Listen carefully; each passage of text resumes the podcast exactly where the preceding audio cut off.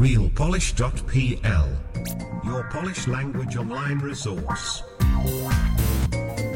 Za mikrofonem Piotr. To jest podcast Real Polish i jest to miejsce, gdzie możecie uczyć się ze mną języka polskiego.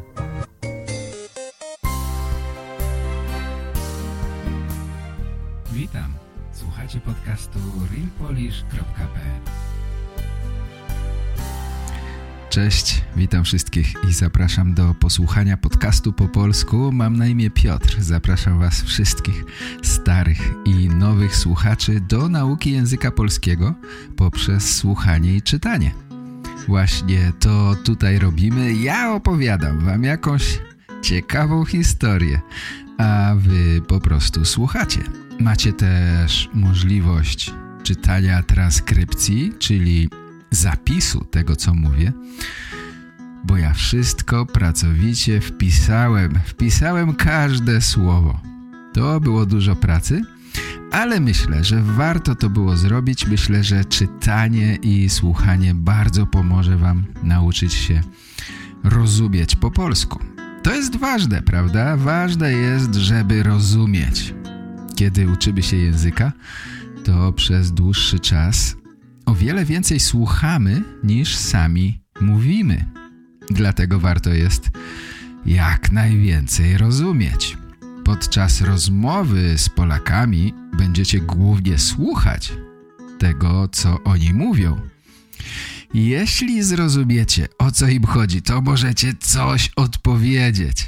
Nawet jednym, dwoma słowami, jakimś krótkim zdaniem. Ale jeśli nie zrozumiecie, o co im chodzi, co oni mówią, mm, wtedy będzie naprawdę trudno odpowiedzieć cokolwiek. Dlatego właśnie tak myślę, dlatego uważam, że rozumienie jest bardzo ważne.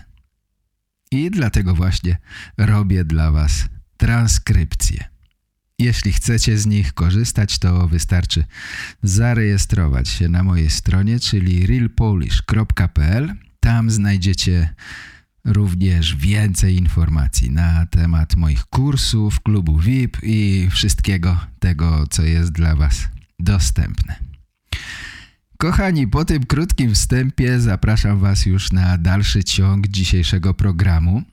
Zwykle zaczynamy od posłuchania jednego z nagrań, które od Was dostałem. I tak samo będzie i tym razem. Zapraszam, posłuchajmy nagrania od Glena. Cześć Piotr, nazywam się Glenn i pochodzę z Republiki Południowej Afryki, ale mieszkam teraz w Norwegii z powodu mojej korzeni norweskiej i pracy. Mam taką możliwość, przeprowadziłem się tutaj, bo w RPA pracowałem z mikrokontrolerami, które projektuje się tutaj w Norwegii. Uczyć się teraz polskiego, bo mam córkę w Polsce i chcę lepiej porozumiewać się z nią. Lubię wstępy Twoje podcasty, kiedy dajesz porady, jak uczyć się e, języka. Chciałbym podzielić moimi doświadczeniami w nauce norweskiego i chińskiego. Kiedy przyjechałem do Norwegii, zaczynałem uczyć się przez cały czas. Um, znalazłem kurs z pytania odpowiedzi, oglądania filmów Disneya z napisami, każdy z nich e, oglądania wiele razy. Brałem udział w cotygodniowej grupie konwersacyjnej, ale najzabawniejsze było spotkanie na co piątek po południu na ciasteczko w moim zespole w pracy. Tam opowiadałem jeden nowy dowcip po norwesku. To było małe nagranie na co piątek. W nowy język nawet dźwięk jest trudny zapamiętywania, a więc zapamiętanie kilku zdań byłem, było sporym wyzwaniem. Ale w ciągu sześciu miesięcy mogłem rozmawiać przez ponad godzinę po norwesku. Tylko rozumiem później, że tylko mogłem uczyć się tak szybko, bo w Arpia w szkole uczyłem się Afrykaans, który jest bardzo podobny holenderskiego, a to ta sama rodzina językowa co norwesku. Postęp chińskiego był znacznie wolniej. Um, nauki chińskiego rozpoczęły się w 2008 roku, a po dwóch latach, tuż przed przeprowadzką do Norwegii, pojechałem po raz pierwszy z trzech razy na letni kurs języka chińskiego na Uniwersytecie w Szanghaju. Było dla mnie wspaniale doświadczenie. Najzabawniejsza metoda nauki była nauka chińskich piosenek, które później śpiewałem na karaoke z moimi kolegami z pracy w Chinach.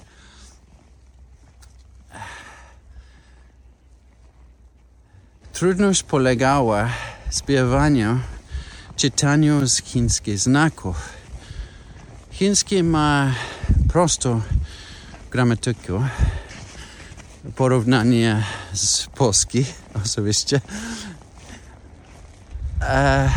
ale wymaga zapamiętywania każdy, każdy znak i jego wymowy. Zrozumiałem wtedy, jak ważna jest umiejętność um, czytania w, w uh, nauce języka. Zajęło mnie około 10 lat, zanim mogłem uh, rozmawiać przez godzinę po chińsku, tak jak po norwesku po 6 miesiącach. Uh, ale e, lubię bardzo Twoje podejście nauki e, języka jako możliwość uczyć się nowe rzeczy i przyjemności, więc nie ma powodu się spieszyć. Nauki polskiego rozpoczęła się w 2011 roku, ale po e, półtora roku przerwałem i wróciłem do niej e, około półtora roku temu. I teraz e, słuchać e, Twoje podcasty codziennie i e, Twoje 100 Daily Polish Stories. Uh, bardzo lubię Twoje wywiad z polyglotą Stevenem Kaufmanem. W tym wywiadzie mówisz o Twoje słuchania i czytania po hiszpańsku, kiedy przygotowujesz nowe podcasty. Cieszę się, że ty także się uczysz, kiedy przygotowuję te odcinki. Um, mam uh, korepetytorem uh, uh, raz w tygodniu. Bardzo dziękuję uh, Thomas za całą twoją pomoc. Uh, Piotr Dziękuję, bardzo, bardzo dziękuję e, za Twoje bardzo ciekawe podcasty. E, bardzo lubię twoja, twoja praca. I nie, nie mogę się doczekać, aż będę mógł prowadzić długie rozmowy z tobą po polsku. E, do widzenia lub e, trochę lepiej. Do usłyszenia. Następny raz. Papa. Dziękuję bardzo za nagranie. Bardzo miło słuchało się tego, co mówiłeś. Ciekawe jest posłuchać o tym, jak inni uczą się języków. Glenn już po sześciu miesiącach mógł rozmawiać po norwesku przez całą godzinę. Wcześniej zupełnie nie zdał tego języka. Myślę, że to naprawdę szybko. Sześć miesięcy?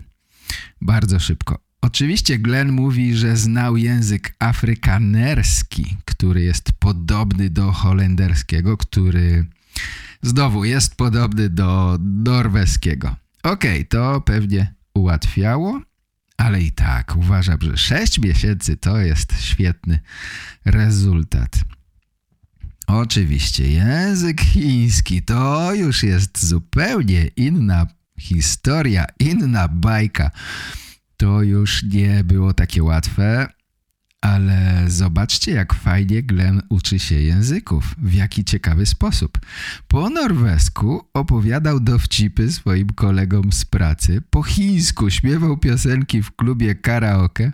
Myślę, że te spotkania z ludźmi dawały mu dużo motywacji do nauki. I chociaż Glenn uczył się chińskiego przez 10 lat, to jak sam mówi, to była wielka przyjemność. Z językiem polskim wydaje mi się, że jest trochę łatwiej, chociaż gramatyka polska być może jest trudniejsza nawet od chińskiej, to czytanie jest o wiele łatwiejsze. Tak mi się wydaje.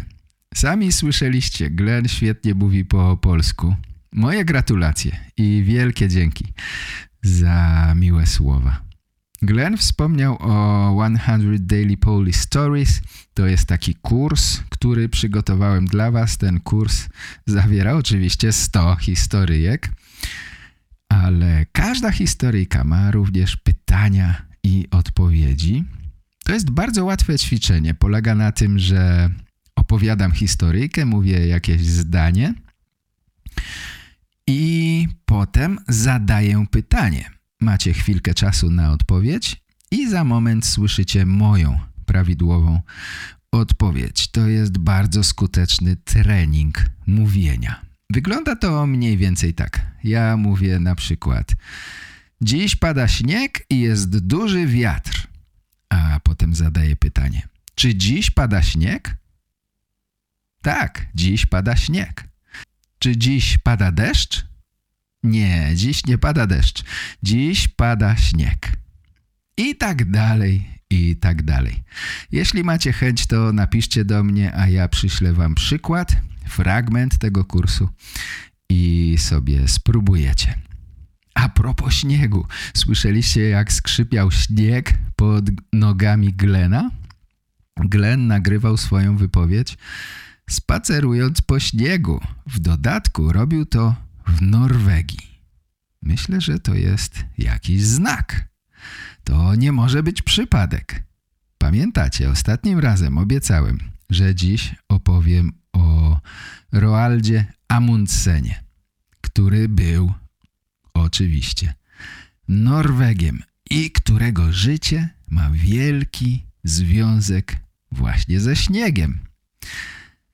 Zatem chyba czas otworzyć okno, żeby wczuć się w zimowy klimat, żeby świeże powietrze, mroźne powietrze wpadło do pokoju, żebyśmy poczuli, jak mróz szczypie nas w nos i w uszy.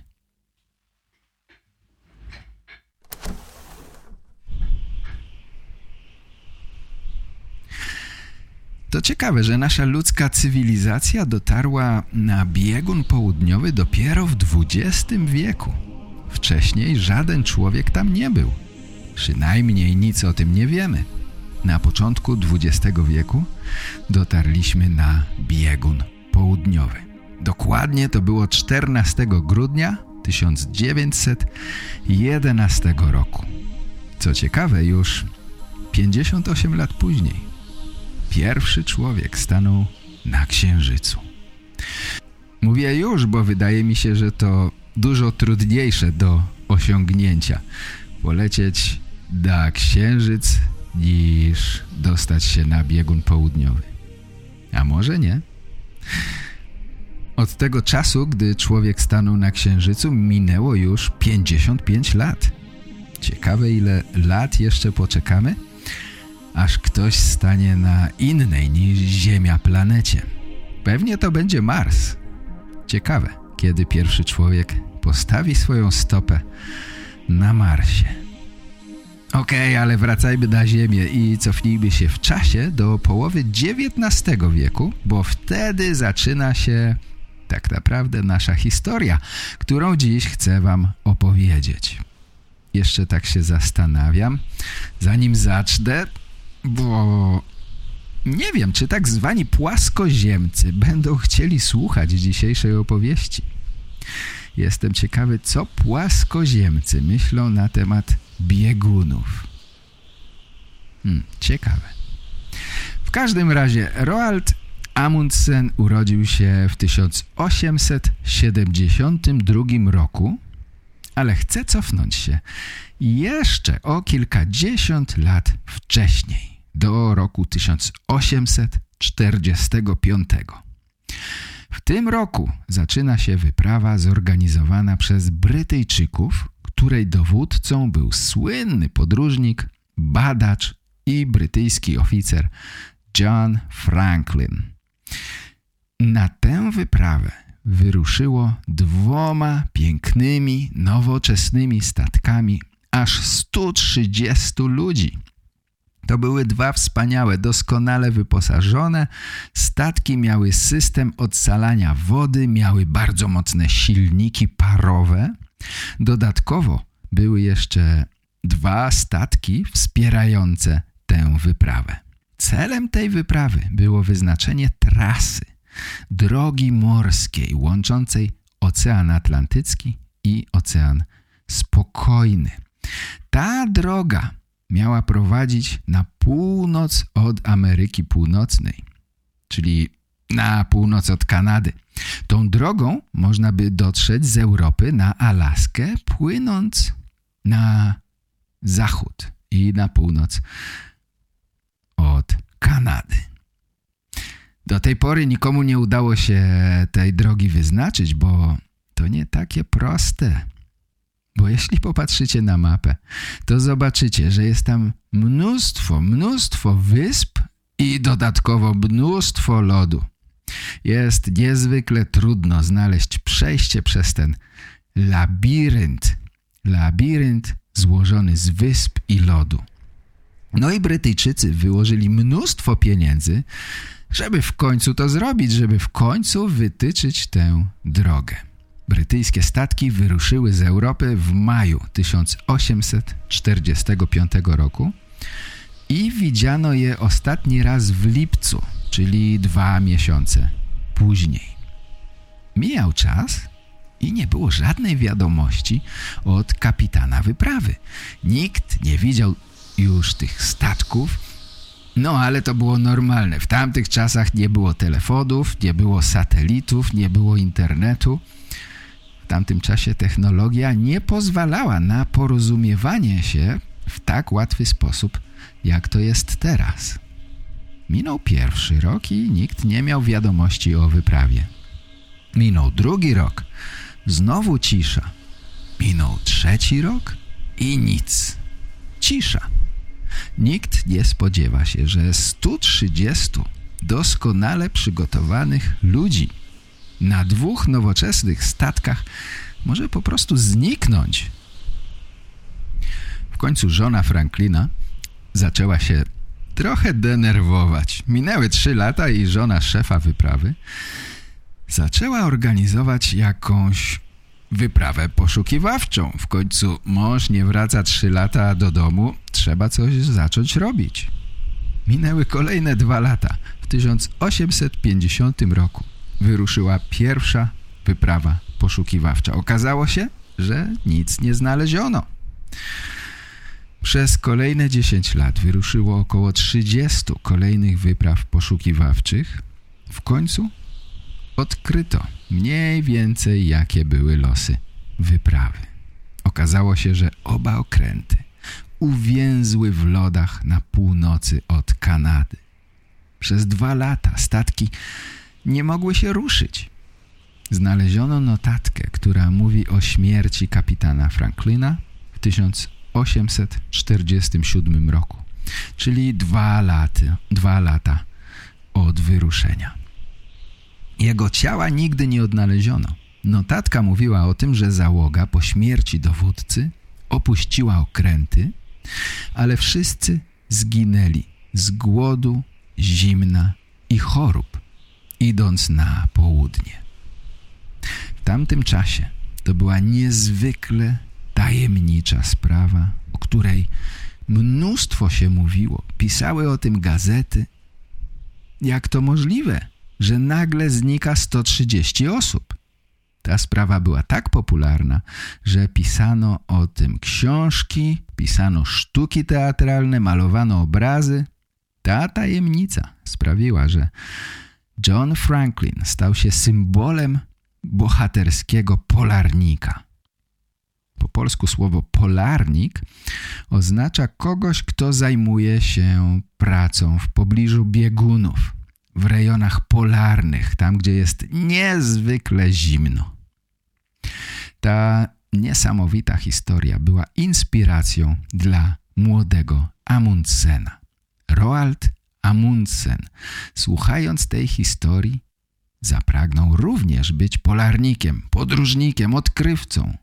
Dziś chłopcy często chcą być kosmonautami, a pod koniec XIX wieku Amundsen marzył o wyprawach w nieznane, nieodkryte dotąd miejsca na naszej planecie.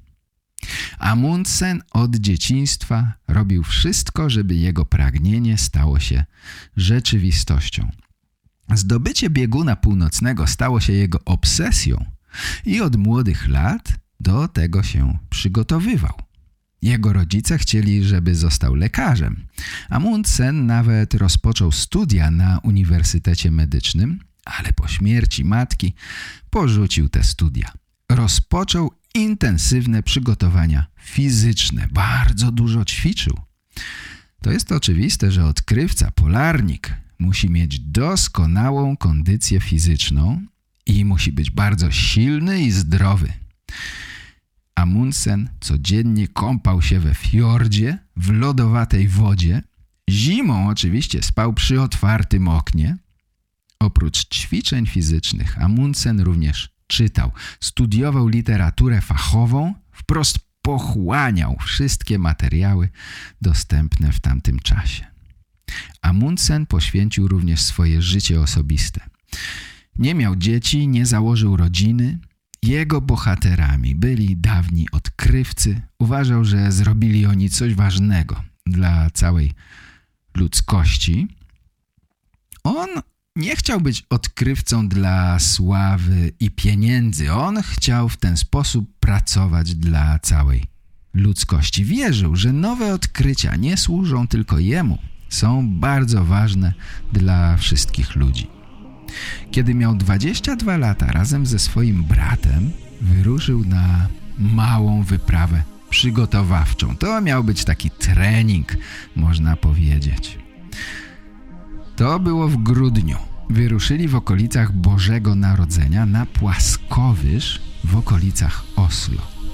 Postanowili w ciągu dwóch dni pokonać dystans 120 kilometrów. Zabrali ze sobą narty i minimalną ilość ekwipunku oraz jedzenia.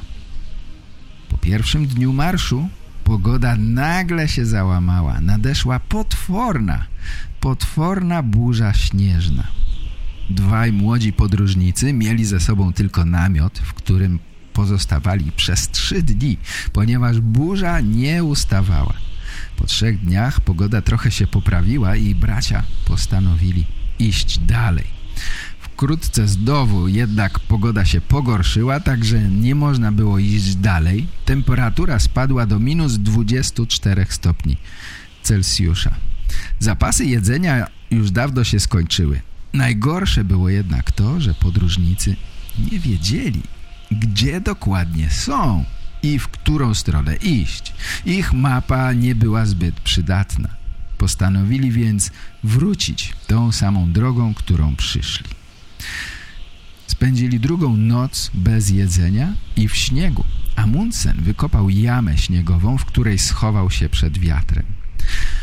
Rano okazało się, że śnieg, który spadł w nocy, zasypał całą jamę tak, że Roald nie mógł się wydostać. Był zablokowany przez śnieg i lód. To musiało być przerażające. Na szczęście odkopał go brat i poszli dalej. W czasie drogi brat Leon wpadł do głębokiej przepaści. Na szczęście nic mu się nie stało. Szli dalej. W końcu udało im się zobaczyć jakąś drogę. Wreszcie udało im się kogoś spotkać, kto wskazał im, gdzie iść, jak dojść do domu. Po ośmiu dniach doszli w końcu do punktu wyjścia. Myślę, że ta wyprawa dała Amundsenowi dużo do myślenia. Myślę, że od tej pory wiedział, że to nie są żarty, że do podróży w ekstremalnych warunkach musi być zawsze doskonale przygotowany, że natura może być bardzo niebezpieczna. A dodatkowo szczęście i nieszczęście odgrywają ogromną rolę. Nie na wszystko można mieć wpływ, nie wszystko można przewidzieć. W wieku dwudziestu kilku lat Amundsen postanowił również uczyć się żeglugi. Chciał być szefem wypraw polarnych, dlatego postanowił również zostać kapitanem statku, który wyrusza na taką wyprawę. W tamtych czasach jedynie statkiem można było dotrzeć z Europy w okolice bieguna, a taka droga nie jest łatwa.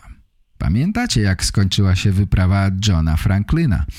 Zanim zostanę odkrywcą, badaczem, muszę zostać kapitanem statku. Pewnie tak pomyślał Amundsen. W 1895 roku na Kongresie Geograficznym w Londynie postanowiono rozpocząć badania nad nieznanym obszarem na południu naszego globu. Postanowiono zbadać Antarktykę. Przez dwa lata organizowano pieniądze, sprzęt i ludzi.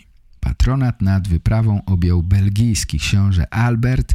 Przygotowano nowoczesny statek wielorybniczy, który dostał imię Belgika. W skład wyprawy weszli głównie Belgowie oraz Norwegowie. Roald Amundsen był pierwszym oficerem tej wyprawy, ale na statku znajdowało się również kilku badaczy innych narodowości, w tym dwaj Polacy, Henryk Arctowski i Antoni Dobrowolski. Szczególnie Henryk Arctowski jest znany w Polsce. Był on geografem, geofizykiem, meteorologiem i badał oczywiście kraje polarne. Dziś Polska Stacja Naukowa na Antarktydzie nosi właśnie jego imię. Ale nie będę teraz mówił o Arctowskim. Może innym razem opowiem, bo to... bo inaczej nie uda mi się opowiedzieć historii Amundsena, która jest niezwykle ciekawa i jest naprawdę dużo do opowiadania. Zatem wyprawa na statku Belgika wyruszyła w 1897 roku z Europy i po kilku miesiącach żeglugi dotarła do północnej części Arktyki. To była niebezpieczna wyprawa. Statek zablokował się w lozie i naukowcy musieli przez całą zimę pozostać na miejscu. Było nawet ryzyko zmiażdżenia statku przez lód. Brakowało jedzenia. Dwóch członków załogi zmarło podczas zimowania. To była pierwsza wyprawa na Antarktykę, która tam zimowała. Dowódca wyprawy miał wielki problem. nie radził sobie z całą sytuacją, z mrozem, z wyżywieniem, z izolacją. Uczestnicy wyprawy chorowali, chorowali na szkorbut, na depresję. Było to spowodowane m.in. brakiem witamin. Dzięki Amundsenowi i amerykańskiemu lekarzowi Cookowi wyprawa została na szczęście uratowana. Rozpoczęto polowania na foki. Załoga zaczęła jeść tłuszcz i mięso fok. Na tej właśnie wyprawie Amundsen zdobył wielkie doświadczenie w przebywaniu zimą w rejonie polarnym. Pierwszy raz zimował, przeżywał zimę w tak zimnym miejscu.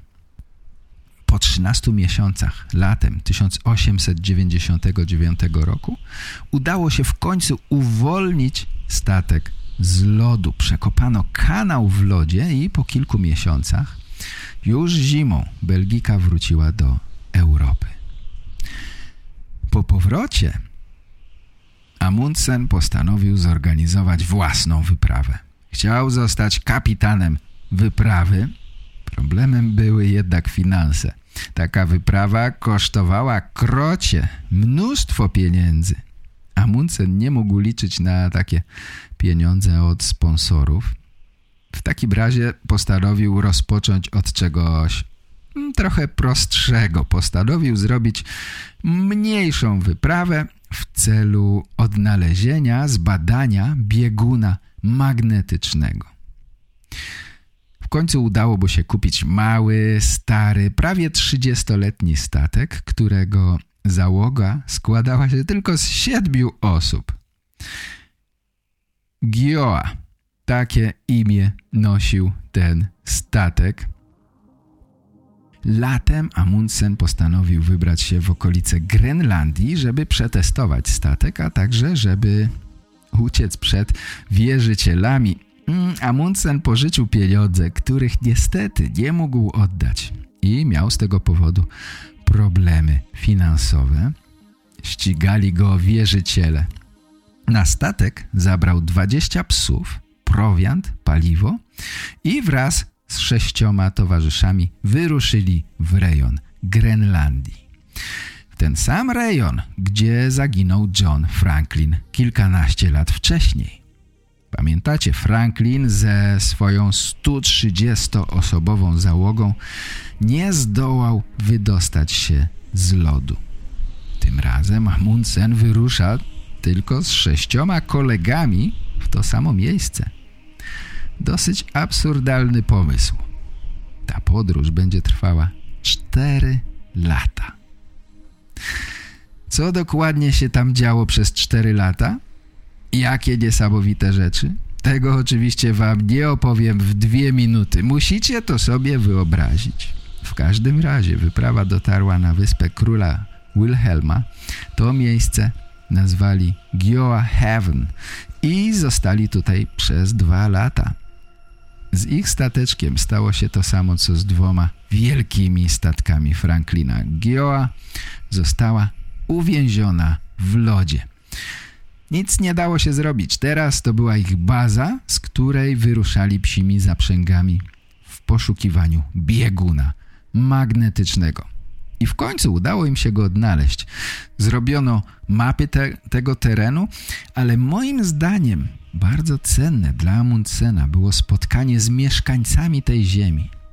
Podczas polowania na foki i karibu Amundsen spotkał rdzennych mieszkańców tego terenu. Inuitów, którzy nigdy jeszcze w swoim życiu nie spotkali białych ludzi. Ale przez dwa lata Amundsen nauczył się mnóstwo od Inuitów. Nauczył się jak konstruować iglo, jak polować, jak ubierać się w skóry fok.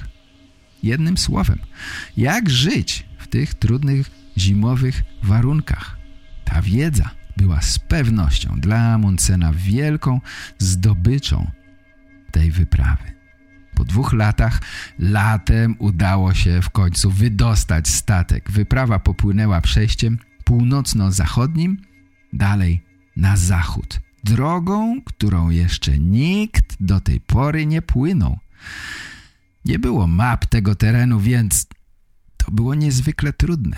To był prawdziwy labirynt. Amundsen nie spał przez dwa tygodnie, żeby nawigować statkiem. Jakimś cudem udawało im się płynąć dalej, aż pewnego dnia zauważono statek płynący w okolicy Alaski. Amundsen i jego wyprawa jako pierwsi przepłynęli z Europy na Alaskę przejściem północno-zachodnim. Następna wyprawa, która tego dokona, zrobi to dopiero za 37 lat. 37 lat później. Zatem Amundsen przepłynął z Europy na Alaskę i chciał się tym oczywiście pochwalić. Chciał przesłać wiadomość do Europy. Problem w tym, że do najbliższego telegrafu było 1300 kilometrów. Gioa znowu była uwięziona na wybrzeżu Yukonu, zatem Amundsen pewnie pomyślał skoro i tak musimy tu czekać do lata, to wezmę kilka psów i saniami pojadę do najbliższego telegrafu, bo chcę się pochwalić, chcę wysłać wiadomość o naszym sukcesie. I tak też zrobił. Pamiętacie, jest ciemno, bo jest noc polarna, jest minus 40, może minus 50 stopni. Po trzech tygodniach Amundsen dotarł do telegrafu, wysłał wiadomość i po kolejnych trzech tygodniach po prostu wrócił do swojego statku. Niestety, podczas jego nieobecności jeden z towarzyszy wyprawy zachorował i zmarł. Latem Gioa mogła podróżować dalej. Lody odpuściły i Amundsen dopłynął do zachodniej Alaski, a potem aż do San Francisco. Statek Gioa został w San Francisco przez wiele lat. Dopiero w latach 70. XX wieku wrócił do Norwegii.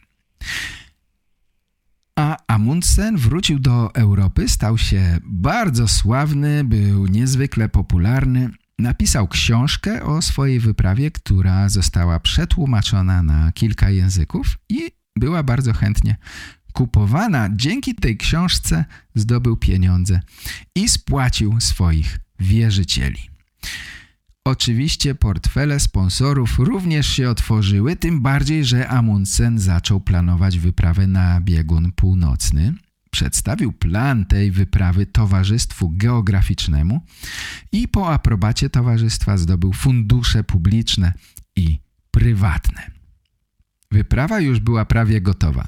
I okazuje się, że w 1908 roku Frederick Cook oraz Robert Perry niezależnie twierdzili, że dotarli na biegun północny. Nie mieli na to niezbitych dowodów, niezbitych, czyli pewnych, nie dających się podważyć dowodów.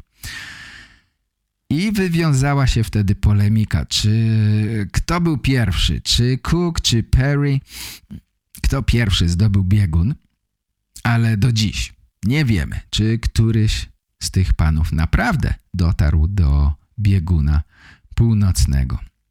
Każdym razie Amundsenowi to nie przeszkadzało bardzo. Jemu nie chodziło o to, żeby być koniecznie pierwszym. Problem był jednak w tym, że sponsorzy wycofali wtedy swoje pieniądze. W takim razie Amundsen zaproponował, że zmieni kierunek. Mamy przecież na ziemi dwa bieguny, więc wybiorę się na południowy. W czym problem? Sponsorom ten pomysł się spodobał Gorzej było z załogą. Amundsen do ostatniej chwili ukrywał swój prawdziwy pomysł, prawdziwy kierunek wyprawy. Załoga do ostatniej chwili myślała, że wyruszają na północ. Wyprawa na biegun południowy kompletnie różniła się od wyprawy na biegun północny. Biegun północny to jest morze otoczone lądem. Natomiast biegun południowy to ląd otoczony morzem. Biegun południowy leży na wysokości prawie 3000 metrów powyżej poziomu morza. To jest wyżej niż leży najwyższy szczyt w Polsce, czyli Rysy. Geografia, położenie obu biegunów jest zupełnie inne. Zatem organizacja wyprawy również musi być inna. Żeby zdobyć biegun południowy, trzeba dopłynąć do Antarktydy i dalej iść pieszo przez setki kilometrów. Amundsen nie rozgłaszał celu swojej wyprawy, trzymał to w tajemnicy ze względu na załogę, ale również ze względu na Anglików, którzy już od kilku lat coraz bardziej zbliżali się do bieguna południowego. Zrobili kilka wypraw w ten rejon i było wiadomo, że Brytyjczyk Robert Scott chce być pierwszym człowiekiem na biegunie południowym. Roald Amundsen do celów wyprawy dostał wspaniały, świetnie przygotowany, nowoczesny statek. Statek przygotowany do pływania wśród lodu, świetnie wyposażony, po prostu szczyt techniki na tamte czasy. Statek nazywał się Fram. Statek wyruszył z Europy w czerwcu 1910 roku i załoga dopiero podczas postoju na Maderze dowiedziała się, jaki jest prawdziwy cel wyprawy, ale wszyscy zgodzili się wziąć udział w zdobyciu bieguna południowego. Nikt nie wysiadł ze statku. Nikt nie został na Maderze. Wszyscy popłynęli dalej z Amundsenem. Przed wyruszeniem z Madery Amundsen wysłał jeszcze telegram do Scotta i poinformował Anglików o swoim planie zdobycia bieguna. Anglicy nie byli zadowoleni. Amundsen był na początku bardzo krytykowany, no ale w końcu uznano, że skoro wybrał inną drogę niż Scott, to w zasadzie nie ma problemu. Każdy może przecież spróbować. Amundsen był doskonałym organizatorem i strategiem wypraw polarnych. Na Antarktydzie wybrał doskonałe miejsce do rozpoczęcia wyprawy. Wydaje się, że z tego miejsca droga na biegun była bardzo prosta i najkrótsza z możliwych. Do bieguna było o 100 km bliżej niż z obozu Anglików, z obozu Scotta. W dodatku statek Fram pod jego dowództwem przybył na Antarktydę wcześniej niż Anglicy. Wyprawy Scotta i Amundsena różniły się od siebie dosyć znacznie. Scott zorganizował wyprawę z wielkim rozmachem. Planował nie tylko zdobycie bieguna, ale również wiele badań naukowych. Amundsen uważał, że skoncentruje się na razie tylko na zdobyciu bieguna, na badania przyjdzie czas jeszcze później. Scott jako transport użył kucyków mongolskich. Kucyki to są takie małe koniki. Dodatkowo zabrał traktory na gąsienicach, które miały silniki spalinowe. Amundsen wziął ze sobą prawie 100 psów, które miały ciągnąć sanie z ekwipunkiem. Ludzie poruszali się na nartach. Okazało się, że psy o wiele lepiej zniosły mróz i śnieg niż kucyki, nie mówiąc o traktorach, które zamarzły na samym początku wyprawy. Z kucykami problem jest taki, że tak mi się wydaje, jedzą trawę. To są zwierzęta roślinożerne, trzeba im zabrać jedzenie. A na Antarktydzie nie ma trawy, prawda? Natomiast psy jedzą mięso, czyli to samo co ludzie. Zatem wydaje mi się, że jest prościej. Jeśli coś się upoluje, to mogą to zjeść i ludzie, i psy. A z kucykami jest trochę trudniej. Od obozu Amundsena do bieguna było około 1500 km. Temperatura w tym czasie to minus 40, a nawet minus 60 stopni Celsjusza. Oczywiście konieczne są etapy pośrednie, obozy pośrednie. Bez tego nie jest możliwe dotarcie do bieguna. Trzeba było iść do przodu, zakładać obóz, wracać, znowu iść do przodu, wracać i tak dalej, i tak dalej. Obozy i magazyny żywności będą również potrzebne w czasie powrotu z bieguna do bazy. Nie jest możliwe przez 2-3 miesiące podróżować w takich niskich temperaturach. Amundsen doskonale przygotował wyprawę. Wziął ze sobą doskonałych fachowców, którzy pomogli mu w zorganizowaniu wszystkiego. Jak najlepiej to możliwe. Każdy szczegół był przemyślany. I Amundsen wraz ze swoimi ludźmi od początku pracowali jak szaleni. Cel był tylko jeden – zdobycie bieguna południowego. Jak to wyglądało? Na początku stycznia 1911 roku statek Fram dotarł do zatoki, gdzie Amundsen założył bazę. Po dwóch tygodniach baza była już gotowa do użytkowania. Na początku lutego do tej samej zatoki dotarł statek Terranowa, ekspedycja Scotta. Brytyjczycy byli około miesiąca w tyle za Norwegami. Co gorsza, lód powodował, że statek Scotta nie mógł zakotwiczyć, nie mógł zaparkować, inaczej mówiąc. Anglicy musieli płynąć, żeby poszukać dogodnego miejsca do zbudowania swojej bazy.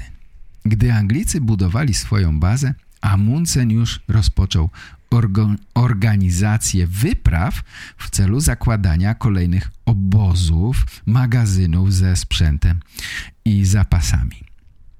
Te wyprawy były pierwszym testem sprzętu i psich zaprzęgów.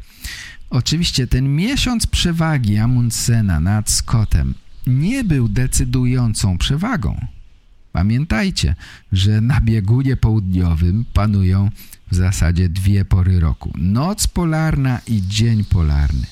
Kiedy w Europie jest wiosna i lato, to na biegunie południowym jest noc polarna. Jest kompletnie ciemno.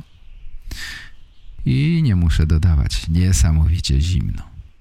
Obie wyprawy musiały po zbudowaniu bazy, bazy wypadowej, przeczekać noc polarną, bo wtedy, bo wtedy warunki zupełnie uniemożliwiają jakąkolwiek wyprawę. W czasie nocy polarnej temperatury spadają poniżej minus 60 stopni Celsjusza. Nie da rady podróżować.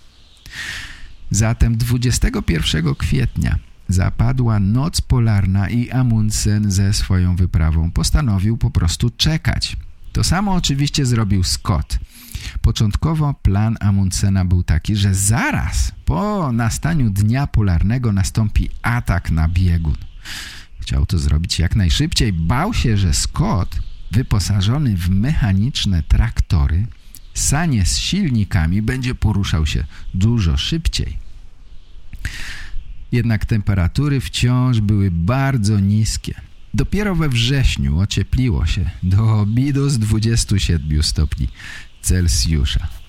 Ośmiu ludzi wyruszyło z bazy Amundsena.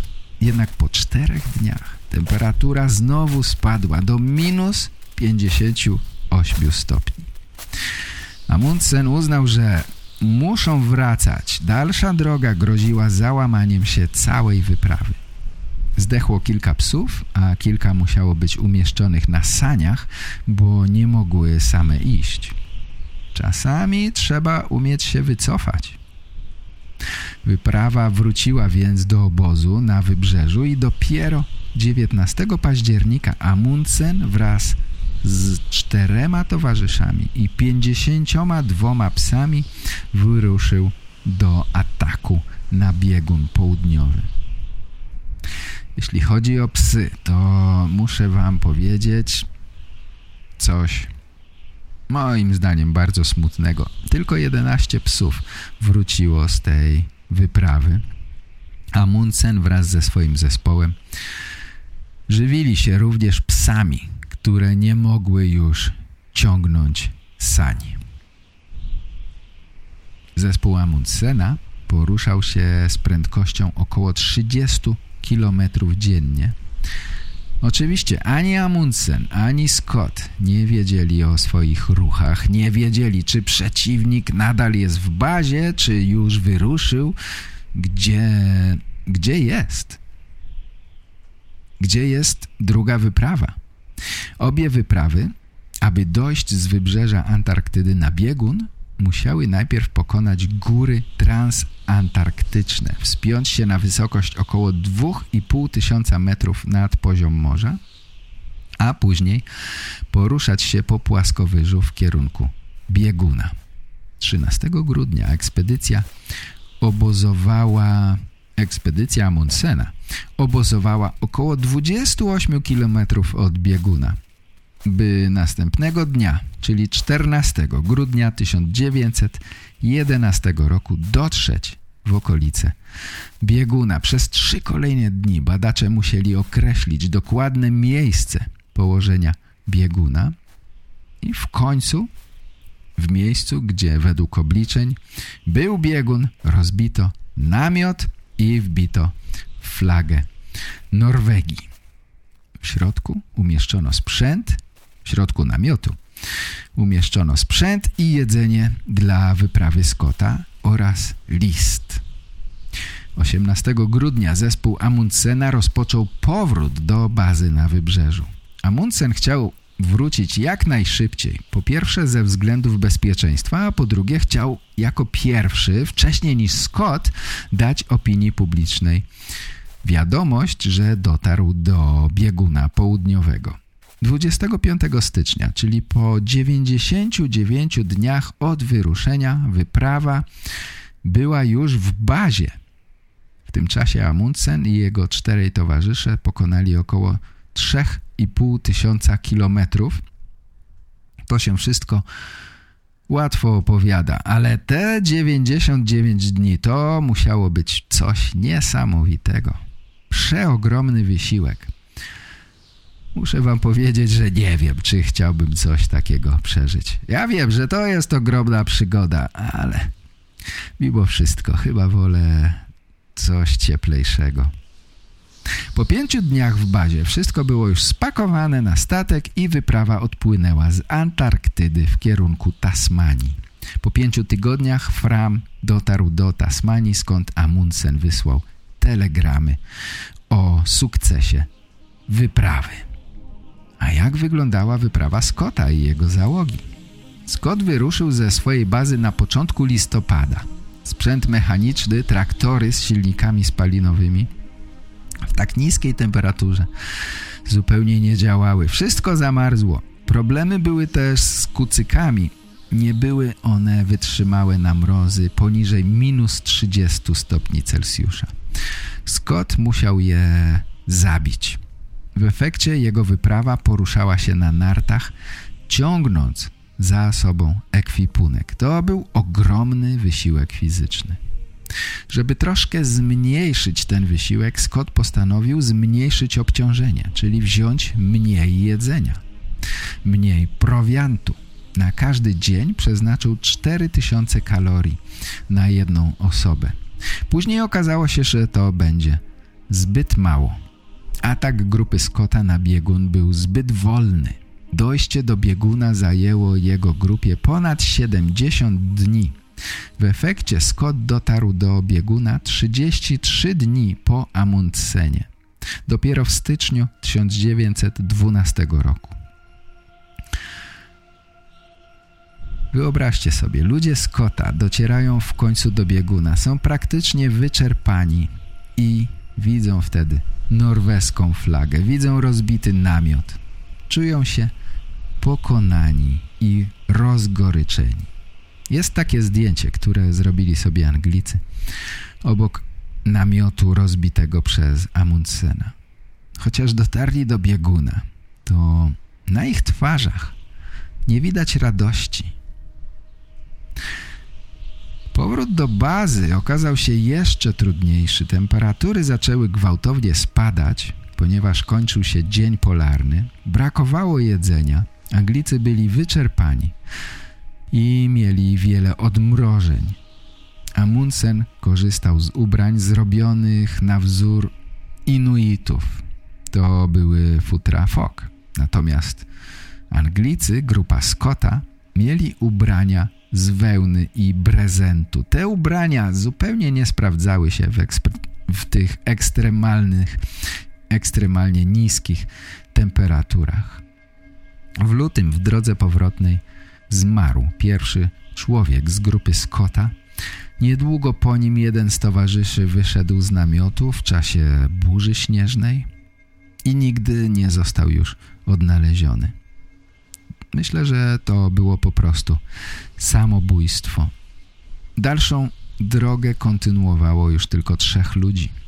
Na nieszczęście wszyscy zamarzli w namiocie jedynie 17 kilometrów przed dotarciem do bazy. Zostali odnalezieni dopiero po kilku miesiącach. Przy Skocie znaleziono wtedy pamiętniki, z których wiemy, jak przebiegała jego wyprawa.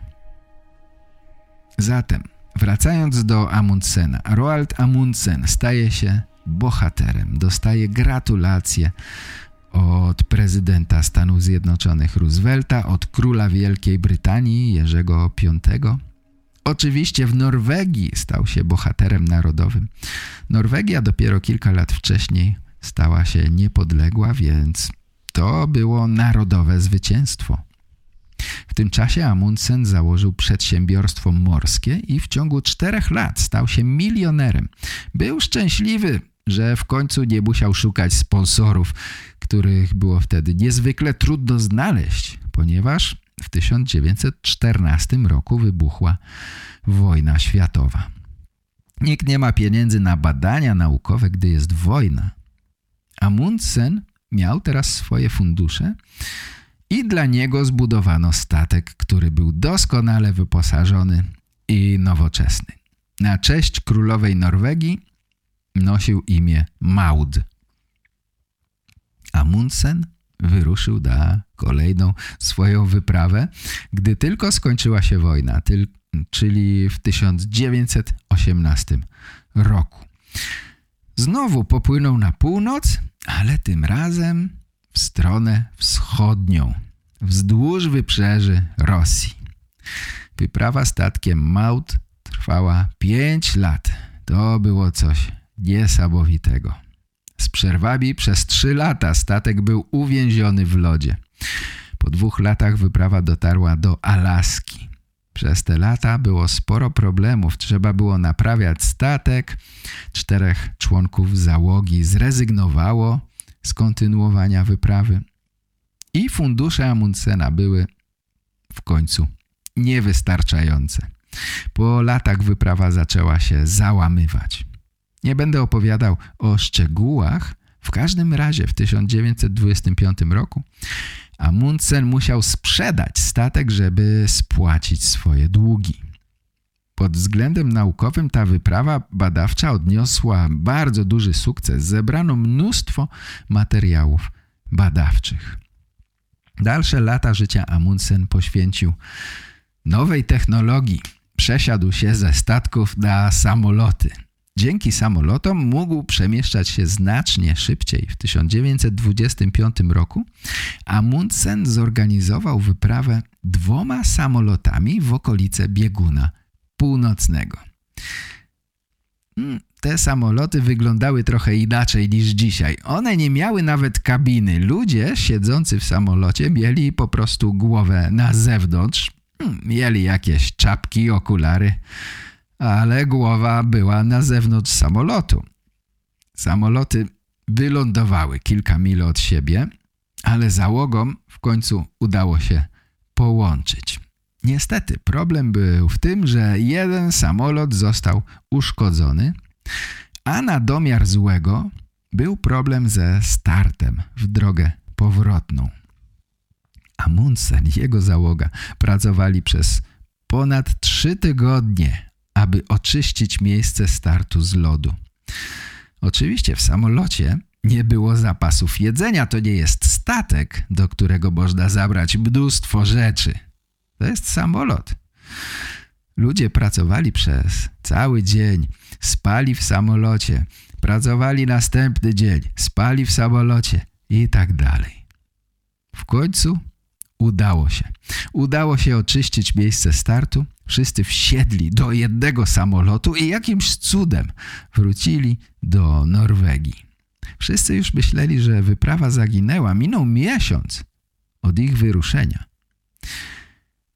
Ale na szczęście wszystko skończyło się szczęśliwie nie udało się dolecieć do bieguna północnego, ale Amundsen po tej wyprawie uważał, że samoloty są ciekawe, ale zbyt delikatne na te warunki. Do głowy przyszedł mu wtedy inny środek transportu lotniczego, czyli sterowiec. W tamtych czasach latało się nie tylko samolotami, latało się również sterowcami albo cepelinami, jak inaczej je nazywano. To było niezwykle niebezpieczne, ale ludzie nie byli tego świadomi. Sterowce w tamtych czasach były uważane za bardzo bezpieczne. Cepeliny latały już wtedy z Europy do Stanów Zjednoczonych przez Atlantyk. W 1926 roku Norwegowie doszli do porozumienia z Włochami. Włosi byli wtedy producentami sterowców, mieli słynnych konstruktorów i pilotów sterowców. Jednym z nich był Umberto Nobile.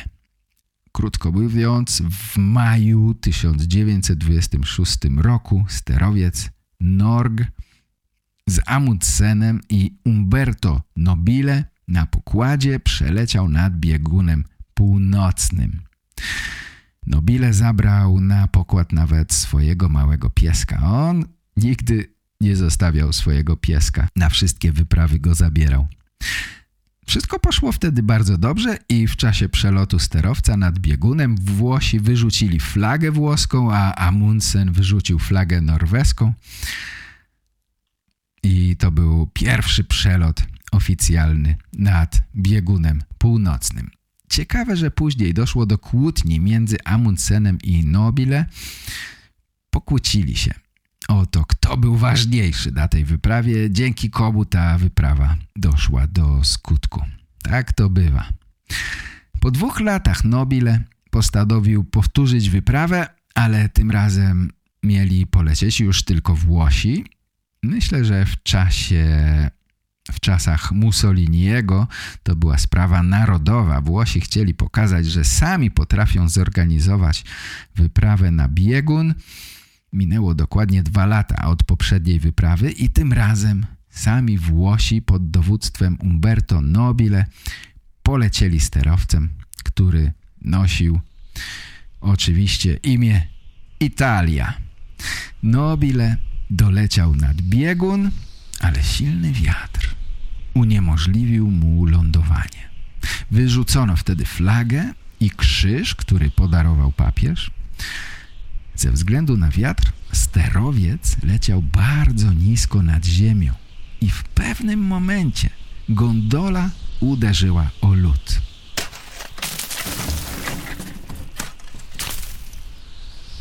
To się źle skończyło. Dziesięciu członków załogi wypadło ze sterowca, w tym sam kapitan Nobile i jego piesek.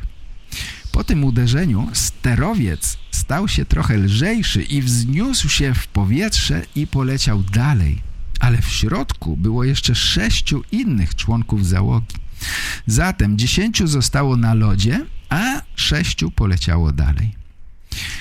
Ci, co zostali na lodzie, mieli trochę szczęścia, bo razem z nimi wyleciały zapasy jedzenia oraz radio. Zaczęto nadawać sygnał SOS. W czerwcu wyruszyły wyprawy poszukiwawcze. Również Amundsen postanowił pomóc. Amundsen poleciał samolotem mogącym lądować na wodzie i lodzie.